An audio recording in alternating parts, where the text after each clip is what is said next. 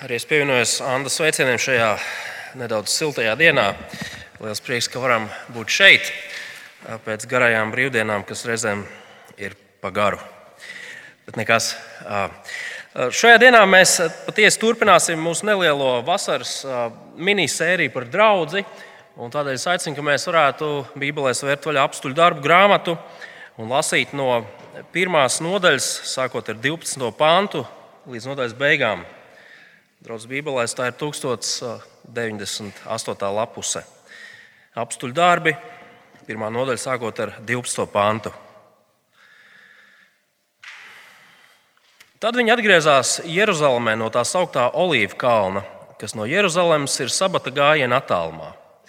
Pārnākuši viņi uzkāpa augšstabā, kur bija apmetušies Pēters un Jānis, Jēkabs un Andrejs, Filips un Toms, Bartolomejs un Matejs. Jēkabs, Alfei dēls, un Sīmans Zēlots un Jūda Jēkaba dēls.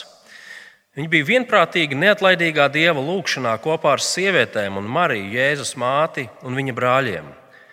Tajās dienās Pēters piecēlēs brāļu vidū, tur bija sapulcējušies vienopus ap 120 cilvēku, sacīja: Mani brāļi, rakstiem bija jāpiepildās, kā ar Dāvida muti svētais gars jau pavēstīs par jūdu, kas parādīja ceļu Jēzus sagūstītājiem. Viņš bija mūsu vidū un bija izraudzīts šai kalpošanai. Par netaisnības algu viņš iemantoja zemes gabalu, nokrita zemē un pārsprāga, un viss viņa iekšā izgāzās ārā. Un tas kļuva zināms visiem Jeruzalemes iedzīvotājiem, un tās zemes gabals nosaukts viņu valodā Hakeldama, tas ir asins lauks. Jo psalmu grāmatā ir rakstīts, viņa miteklis lai ir tukšs, lai tajā neviens nedzīvo, un lai viņa amatu dabūtu cits. Tad nu kādam no vīriem, kas visu šo laiku bijuši kopā ar mums, kopš atnāca un aizgāja no mums, Kungs Jēzus, no Jāņa Kristības līdz tai dienai, kad viņš tika uzņemts debesīs prom no mums, vienam no viņiem ir jābūt kopā ar mums par viņa augšām celšanās liecinieku. Un tie izvirzīja divus. Jāzeps sauktu Barsaba ar pievārdu Justs un Matiju. Dievu lūgdami viņi sacīja, tu, kungs, kas pazīst tik vienu sirdi, parādi, kuru no šiem diviem tu izraugies, lai tas tagad saņemtu to kalpošanas un apstuļu vietu, no kuras aizgāja jūda, noiedams savā vietā. Viņiem deva lozes, un loza krita matijam, un viņu pieskaitīja pie 11 apstuļiem. Tas ir kunga vārds. Amen. Pirms mēs pārdomājam šos pantus, lūgsim Dievu. Mūsu debes Tēvs, mēs Tev pateicamies par to, ka arī šajā svētdienā varam visi nākt kopā, lai klausītos tajā, ko Tev patīk mums teikt un mācīt. Lūdzam, lai mēs varētu Tavus vārdus sadzirdēt, saprast, savā sirdīs pieņemt, un lai tie maina mūsu domāšanu, lai tie stiprina mūsu kristīgo dzīvošanu. Amen! Šīs dienas rakstu vieta nedaudz atgādina tos brīžus, kad mēs garlaikoti sēžam un gaidām to lielo svarīgo notikumu. Nu, piemēram, to brīdi, kad pirms līgavas ierašanās baznīcā. Mēs sēžam, laicīgi ieradušies 40 minūtes vai stundu un pacietīgi gaidām. Tas ir laiks, kurā neko prātīgi nevar darīt pareizi. Mēs varbūt tās kāds bakstās telefonā, mēģina palasīt ziņas, vecāki tā nedaudz pieskatīdami ļauj vēl bērniem izskriet savus liekās enerģijas devas. Tūlīt, tūlīt sāksies lielais un ilgi gaidītais notikums. Bet pirms tam ir šis gaidīšanas laiks, kurā nekas nopietns nevar notikt un nenotiek.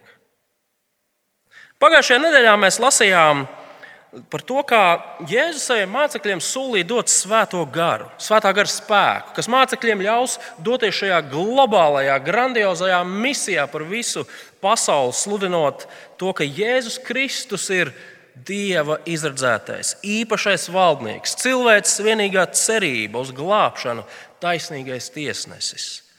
Svētā gara nākšana šis grandiozais, sen pravietotais, ilgi gaidītais notikums. Un apstuļu darbu grāmatas otrajā nodaļā, ko mēs aplūkosim nākamā svētdienā, mēs redzam, viss notiek tieši tā, kā pravieši solīja un kā Jēzus saviem mācekļiem piekodināja. Bet pirms tam ir šis gaidīšanas laiks. Un Lūks savā grāmatā nedaudz ieskicē to, ko tie mācekļi darīja, kamēr viņi gaidīja Jēzus vārdus piepildamies. Un, lai arī mācekļi šķiet nodevās tādām krietnām, kristīgām lietām, pareizi mēs redzam, ka viņi lūdz Dievu. Šīs raksturvietas centrā ir kaut kas ļoti neparasts, bet no pirmā acu uzmetiena šķiet nevajadzīgs un liekas.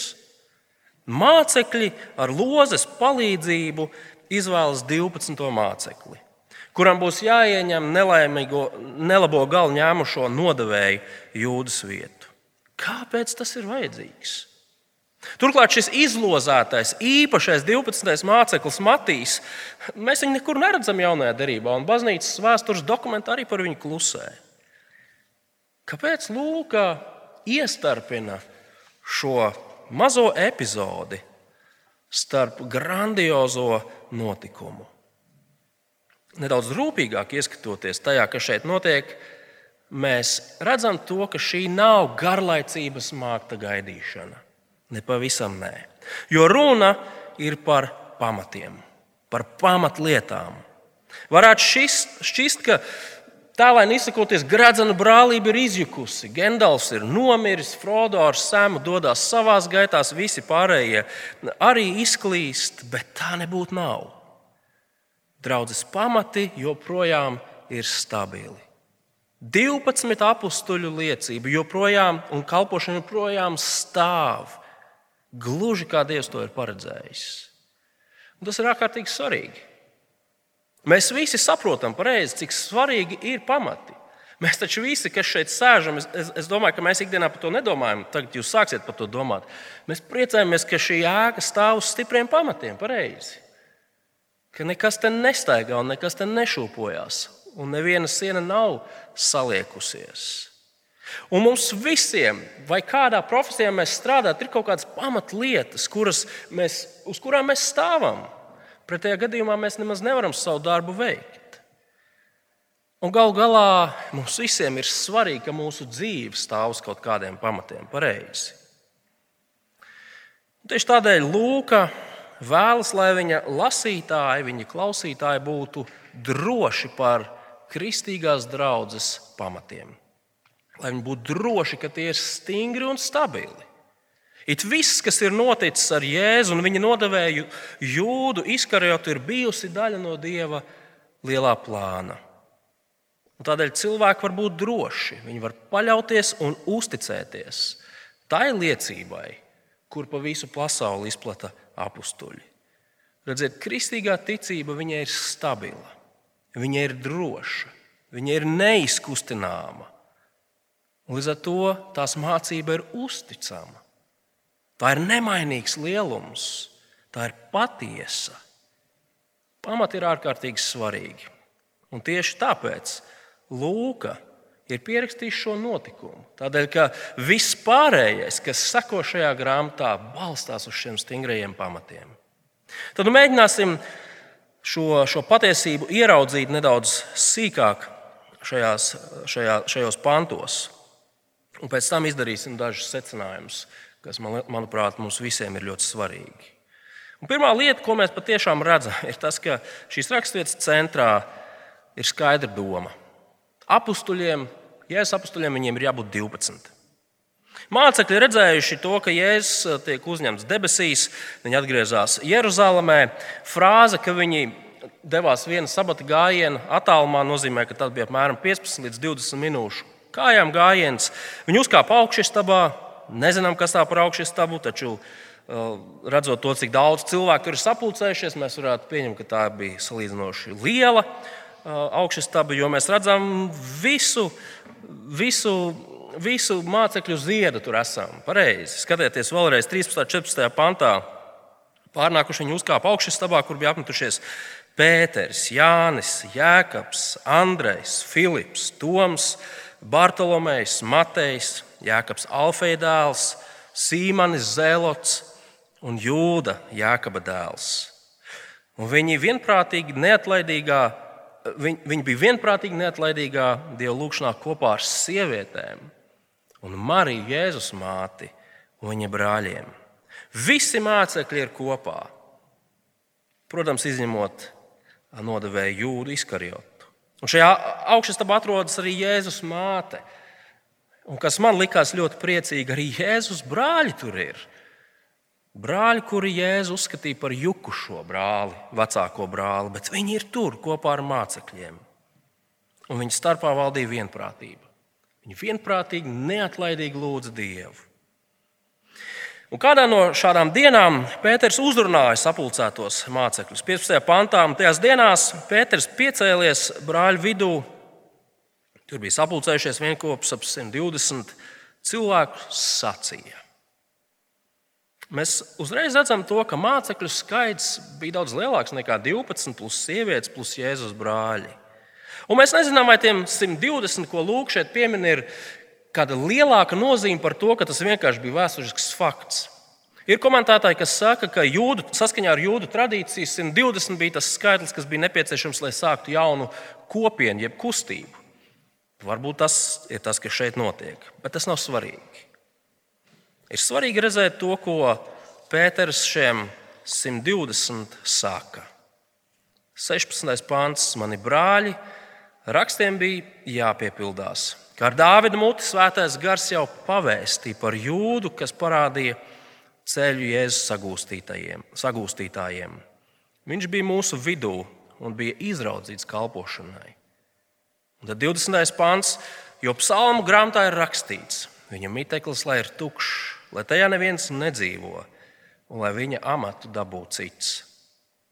18. un 19. pāns visticamāk, oriģinālā valodā, oriģinālā nemaz nebija Pētera vārdi, drīzāk tas bija paša Lūkas komentārs.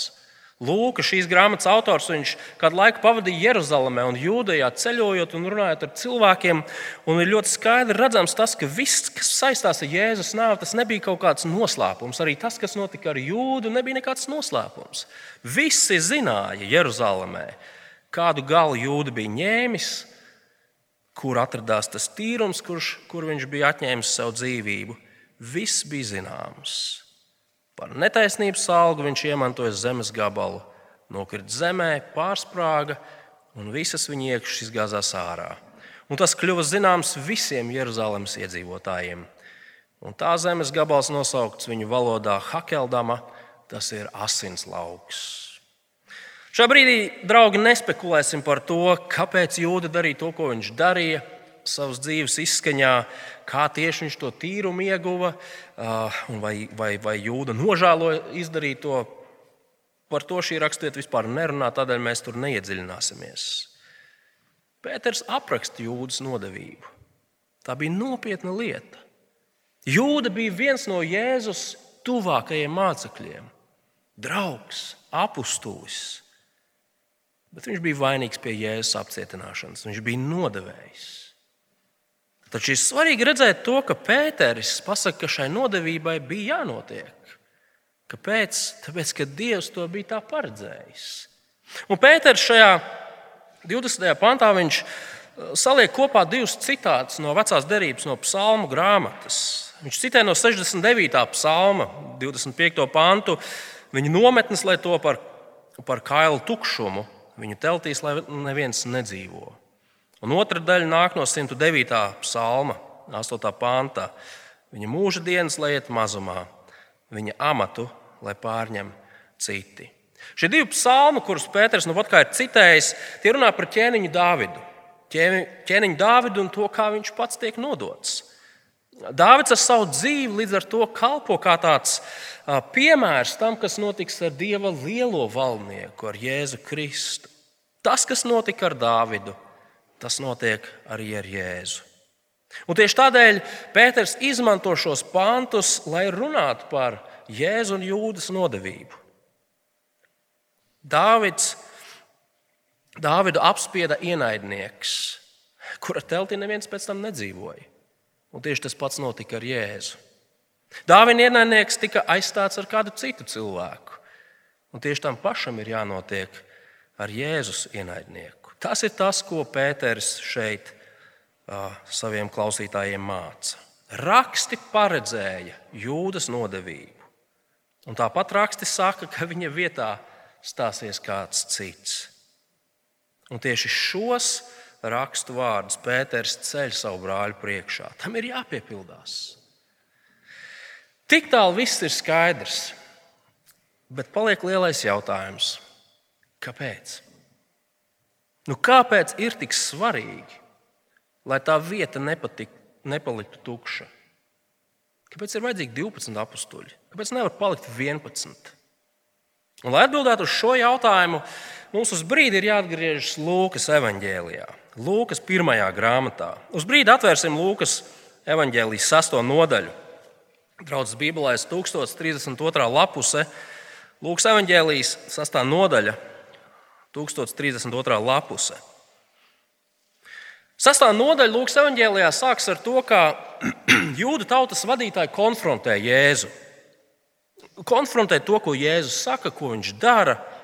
Viņi ir reāli nikni uz Jēzu, viņi ir dusmīgi uz Jēzu, viņi ir līdz baltkvēlēji dusmīgi uz Jēzu. Kas tas Jēzus tāds ir? Ko viņš ir iedomājies darīt? Un, draugi, tas ir ļoti pārsteidzoši.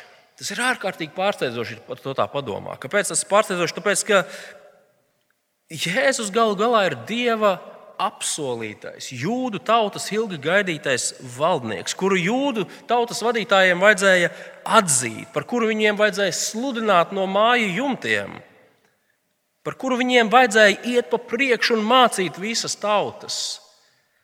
Tā vietā viņi sāk perināt ļaunas domas. Kā to Jēzu varētu novākt, nogalināt? Mums viņš nepatīk. Bet tad sastajā nodaļā notiek kaut kas ārkārtīgi zīmīgs. Skatieties no 12. panta. Tad dienās viņš aizgāja uz kalnu dievu lūgt un pavadīja tur cauri nakti lūgšanās. Dienā iestājoties, viņš pasauc pie sevis mācekļus un izraudzījās no tiem 12, kurus tad viņš nosauca par apstuļiem. Sīmanu, kuram deva vārdu Pēters un Andreja, viņa brāli, Jēkabu, Jāni, Filipu, Bartolomeju, Mateju, Tomu, Jēkabu, Alfeja dēlu, Sīmanu sauktu Zēlots, Jūdu, Jēkabu dēlu un Jūdu Iskariotu, kas kļuva par nodevēju. Un, ja mēs lasītu tālāk šo nodaļu, šo sasto nodaļu, mēs redzētu to, ka je, kur, mēs redzētu Jēzus sprediķi, kurā Jēzus runā par to, ko nozīmē dzīvot kā viņa ļaudīm? Kādi cilvēki var būt viņa ļaudis un kas viņiem ir jādara? Sakiet, vai tas mums kaut ko neatgādina? Skaitlis 12. 12 apstuļi.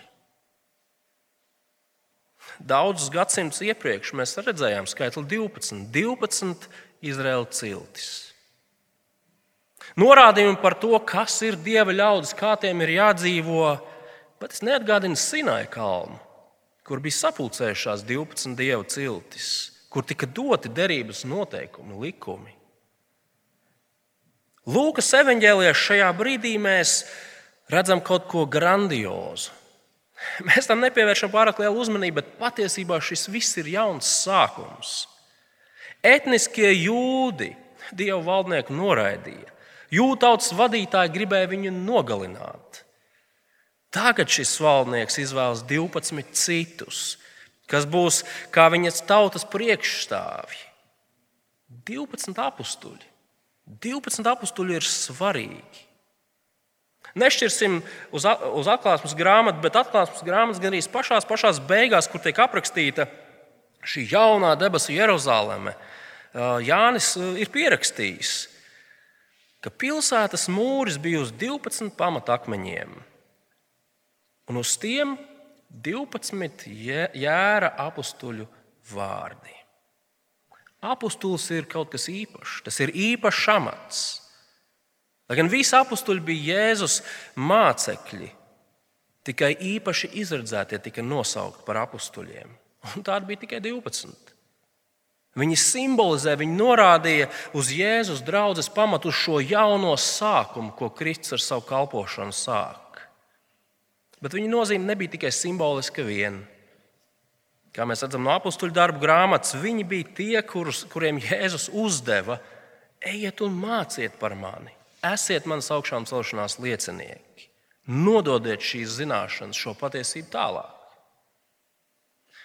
Pamati ir ārkārtīgi svarīgi.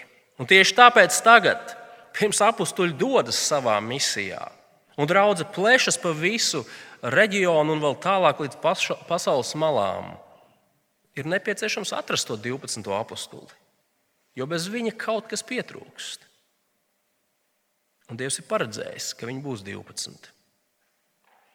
Un atlikušajā raksturvietā, atgriezīsimies apstuļu darbu grāmatas pirmajā nodaļā, mēs redzam to, kādai, kādai kvalifikācijai tam apustulim ir jāatbilst.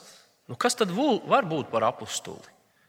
Un apstuļu amata kritērijas sastāv no divām lietām. Pirmkārt, viņam ir jābūt acu lieciniekam. Viņam ir jābūt kādam, kurš ir visur bijis klāt Jēzus kalpošanas laikā no sākuma līdz galam. Un otrkārt, viņam ir jābūt paša Jēzus izraudzītam. Pirmā kritērija daļa no 21. panta. Tad nu kādam no vīriem, kas visu šo laiku bijuši kopā ar mums, kopš atnāca un aizgāja no mums Kungs Jēzus, no Jāņa Kristības līdz tai dienai, kad viņš tika uzņemts debesīs prom no mums, vienam no viņiem ir jābūt kopā ar mums par viņa augšām celšanās liecinieku. Mums reizēm liekas, ka Jēzum bija tikai un vienīgi 12 apstuļi, un tie paši ir diezgan neaptēsti.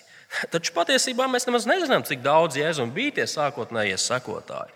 Cik daudz bija tādu, kas sekoja Jēzum jau no paša sākuma.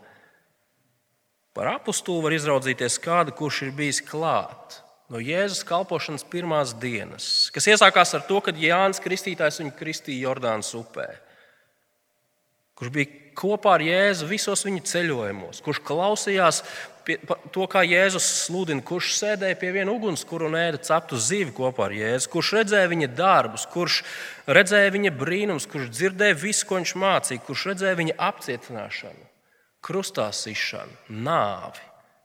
Kurš piedzīvoja augšām celto Kristu un kurš galu galā redzēja to, kā Kristus tiek uzņemts debesu godībā. Citām sakot, kandidātam ir jābūt cilvēkam, kurš ir uzticams visu šo lietu acu liecinieks. Un mēs redzam šajā rakstvietā, ka no visiem sapulcētajiem, no tiem 120, ir divi vīri, kuri atbilst šim kritērijam. 23. pāns, un tie izvirzīja divus. Jāzeps sauktu Barsabu ar prievārdu Jūsts un Matiju. Šie vīri bija sekojuši Jēzum no sākuma, no sākuma līdz galam. Viņi savā kandidātu atlases anketā droši varēja ielikt lielo ķeksi. Jā, mēs to visu redzējām. Taču apstuļiem otrkārt bija jābūt paša Jēzus izredzētiem. Taču ir viena maziņa, mazītiņa problēmiņa. Ko darīt, ja Jēzus šeit nav? Kā lai viņi izraugās šo apstuli? ir doma. Lozēsim, vilksim lozes. Tas, protams, izklausās nedaudz tā, nu, primitīvi un, un barbariski, un kaut kā atstāsim to visu nejaušībai. Taču patiesībā šī neparastā darbība ir veids, kā šajā konkrētajā gadījumā mācekļiem izdevās noskaidrot, kuru no šiem diviem vīriem, kas abi bija vienlīdz labi, Dievs ir izredzējis kā 12. apstuli. Skatieties, no 24. panta. Dievu lūgdam, viņi sacīja, Tu, kungs, kas pazīst tik vienu sirdi, parādi, kuru no šiem diviem tu izraugies, lai tas tagad saņemtu kalpošanas un apstuļu vietu, no kuras aizgāja jūda, noiedams savā vietā. Viņiem deva lozes, un loze krita Matijam, un viņu pieskaitīja pie 11 apstuļiem. Šī nu nepavisam nebija kaut kāda aklā loterija. Jūs redzējāt, mācekļi šai lietai piegāja ļoti nopietni. Viņi lūdza Dievu. Dievu, kurš pazīst visus cilvēkus, visu cilvēku sirdis. Tā viņš šķiet, ka apstuļi saprata to, ka šim cilvēkam ir jābūt ne tikai tādam, kurš ir visas lietas redzējis, bet kurš savā sirdī ir pārliecināts par to, ka Jēzus ir valdnieks kurš saprot šo lietu lielo nozīmi. Mācekļi lūdz, lai Dievs skaidri parāda, Lai Dievs pats izraugās un dara viņiem zinām, kurš ir 12. vīrs.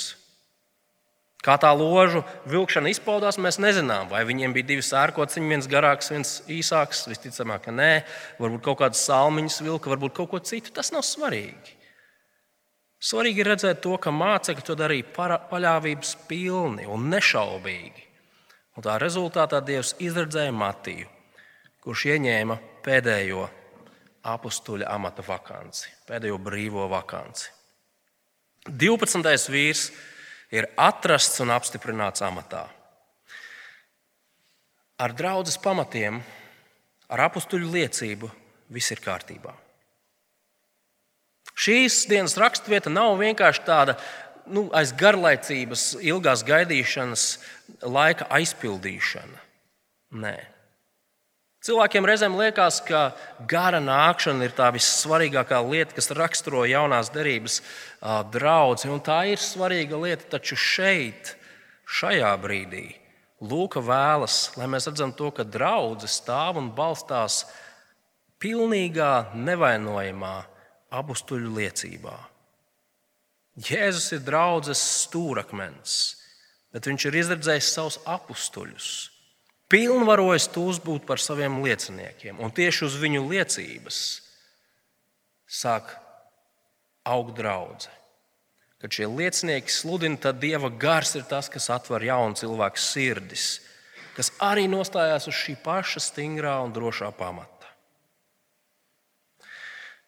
Ko šī patiesība, ko mēs redzam šajā raksturvietā, nozīmē mums šodien? Dažas lietas. Pirmkārt, nobeigumam, pirmkārt, apakstuļu amats ir ļoti unikāls. Mūsdienās vairs nav apakstuļu. Jā, laika pa laikam, kādās konfesijās, varbūt kādās draudzēs uzrādās kādi, kas saka, nu, redz, kur uzrādījies, jauns apakstulis. Es atceros, 2000. gados Modē bija dažādas grāmatas, kurās, ar kuru palīdzību kristieši varēja noskaidrot savas garīgās dāvanas. Vienā šādā grāmatā bija aprakstīta, ka jā, ir tāda apstuļa dāvana, lai ko tas arī nenozīmētu. Taču tas viss nav pareizi. Mūdien, mūsdienās nav neviena tāda cilvēka, kurš ir bijis kopā ar Jēzu tādā veidā, kā apraksta šī nodaļa. Cilvēki, kas sev vai kādam citam piedēvēja apstuļa amatu šodien, labākajā gadījumā ir vienkārši cilvēki, kas kaut ko ir pārpratuši. Un šādiem cilvēkiem mums ir jāpa, jāpaskaidro, kā šo raksturvietu saprast. Bet sliktākā gadījumā šie cilvēki mēģina piesavināties varu un autoritāti, kas viņiem nav dota. No tādiem labāk um, bēgt pa gabalu. Tad apstuļu amats ir ārkārtīgi unikāls. Un tas ir saistīts tikai ar šiem vīriem. Bet otrkārt, Jēzus draudzene ir apustuliska. Mēs to arī sakām mūsu ticības apliecībā, vai ne? Kā mēs varam izvērtēt to, vai draudzene ir patiesi kristīga vai nē? Kā mēs varam izvērtēt draudzes veselīgumu? To, kāda tad ir šī draudzene? Un atbildi ir vienkārši skatieties uz pamatiem. Kas ir tas, uz kā šī draudzene stāv?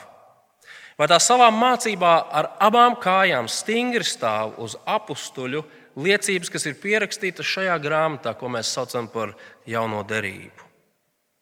Vai varbūt tās draudzē patīk vilkt pa sēdes durvīm iekšā kaut ko citu, kaut ko modernu, kaut ko stilīgu, kaut ko tādu, kas šeit nav atrodams, bet izklausās noderīgs un pragmatisks.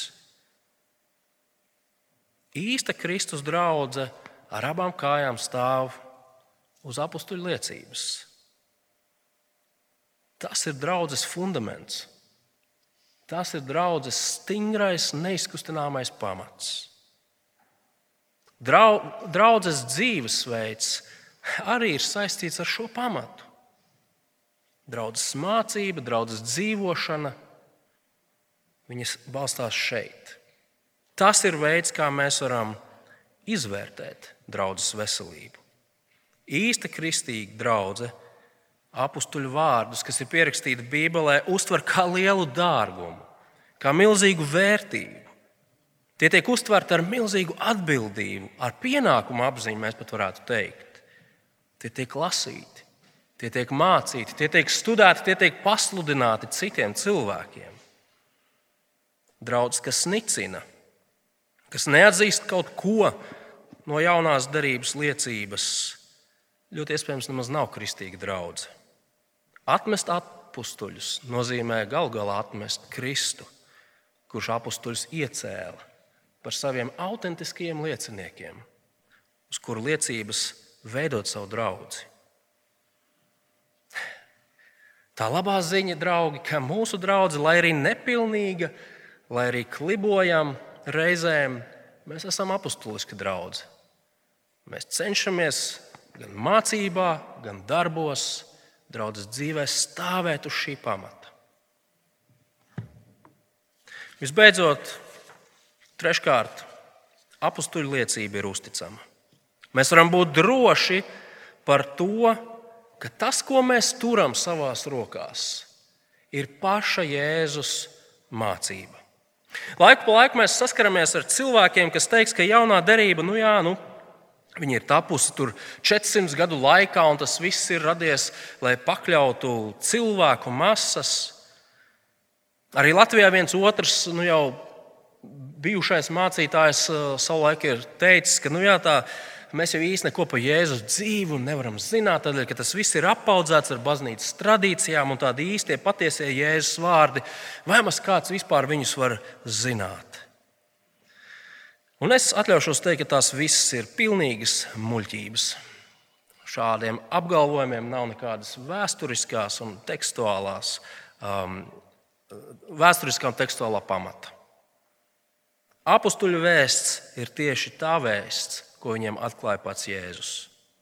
Šie ļaudis nepievienoja kaut kādas savas idejas vai tradīcijas.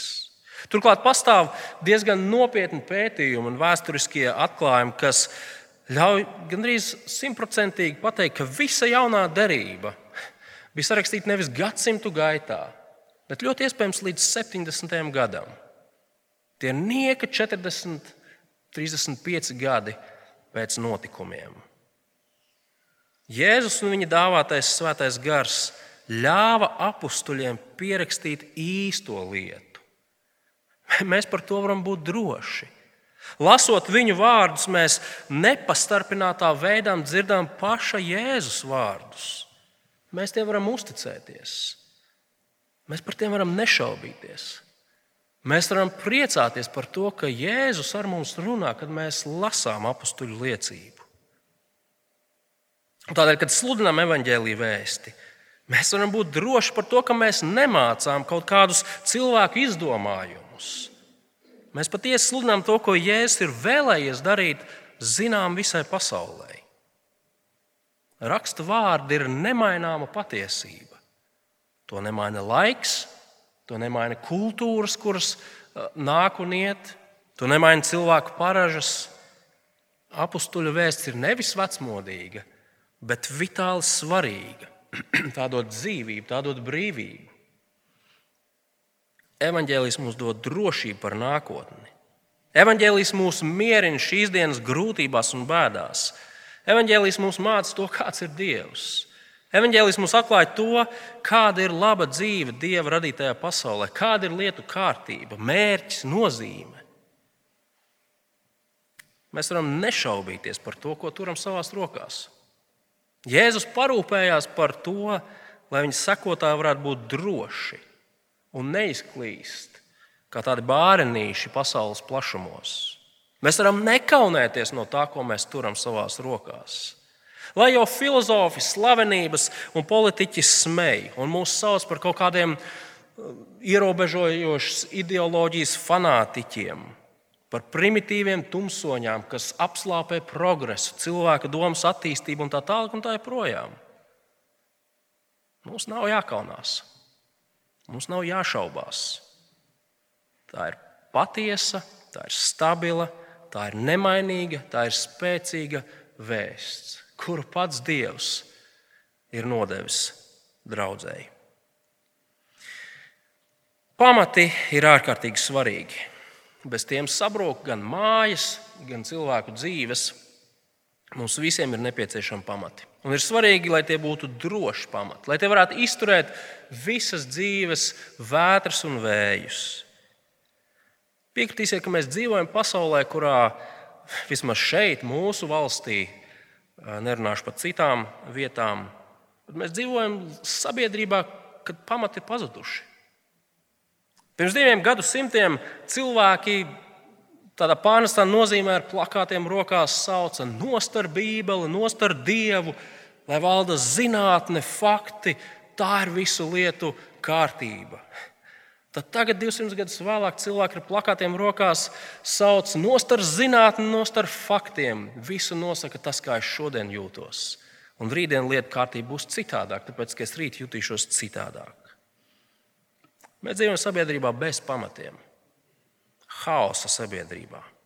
Un tādēļ svarīgi ir atbildēt uz jautājumu, vai mūsu dzīvē, vai mūsu dzīve balstās uz stingra pamata. Kā mēs zinām, ka viņi balstās uz stingra, nemainīga pamata? Draugi, Lūka savu apakstuļu darbu grāmatu iesākot, grib, lai viņa lasītāji zinātu, lūk, stingrs, drošs, uzticams pamats, paša dieva dots cilvēkiem šajā pasaulē. Tas ir jāzina draudzēji, tas ir jādzird ik vienam cilvēkam, kurš ar atvērtu ausi klausās. Lai Dievs mums palīdz novērtēt šo, nekaunēties un būt drošiem par to, ka Dievs mums ir devis drošu, stabilu pamatu. Lūksim. Labais dabas tēvs patiesi. Ik viena lieta, kas ir saistīta ar tavu draugu, nav nejaušība. Ik viena lieta, kas ir saistīta ar tavu draugu, nav kaut kāda bezspēcīga un, un tāda nīkulīga lietiņa. Nē, Jebkura draudzene, jebkurā pasaules vietā ir daļa no tava lielā, grandiozā, labā plāna un nodoma. Tu esi savas draudzes radītājs, tu esi savas draudzes uzturētājs, un tu esi tas, kurš draudzes darbu aizvedīs līdz galam. Šajā dienā mēs lūdzam, Kungs, ka mēs varētu būt droši par to, ka mūsu pamati ir stabili. Tie ir vārdi, tā ir liecība, ko mums ir atstājis pats Kungs Mums par to nav jāšaubas, mums par to nav jākaunas. Mēs varam to drosmīgi un droši sludināt savām dvēselēm un cilvēkiem, kas dzīvo ap mums. Jo gal galā tas ir veids, kā tu cel savu draugu. Tu dod drosmi, izpratni, gudrību savai draudzēji, bet tu tai pievieno ar vien jauns un jauns izglābts dvēseles. Cilvēkus, kas ir dzirdējuši tavu vēstuli un kuros gars ir atvēris sirdis. To mēs lūdzam Kristus vārdā. Amen.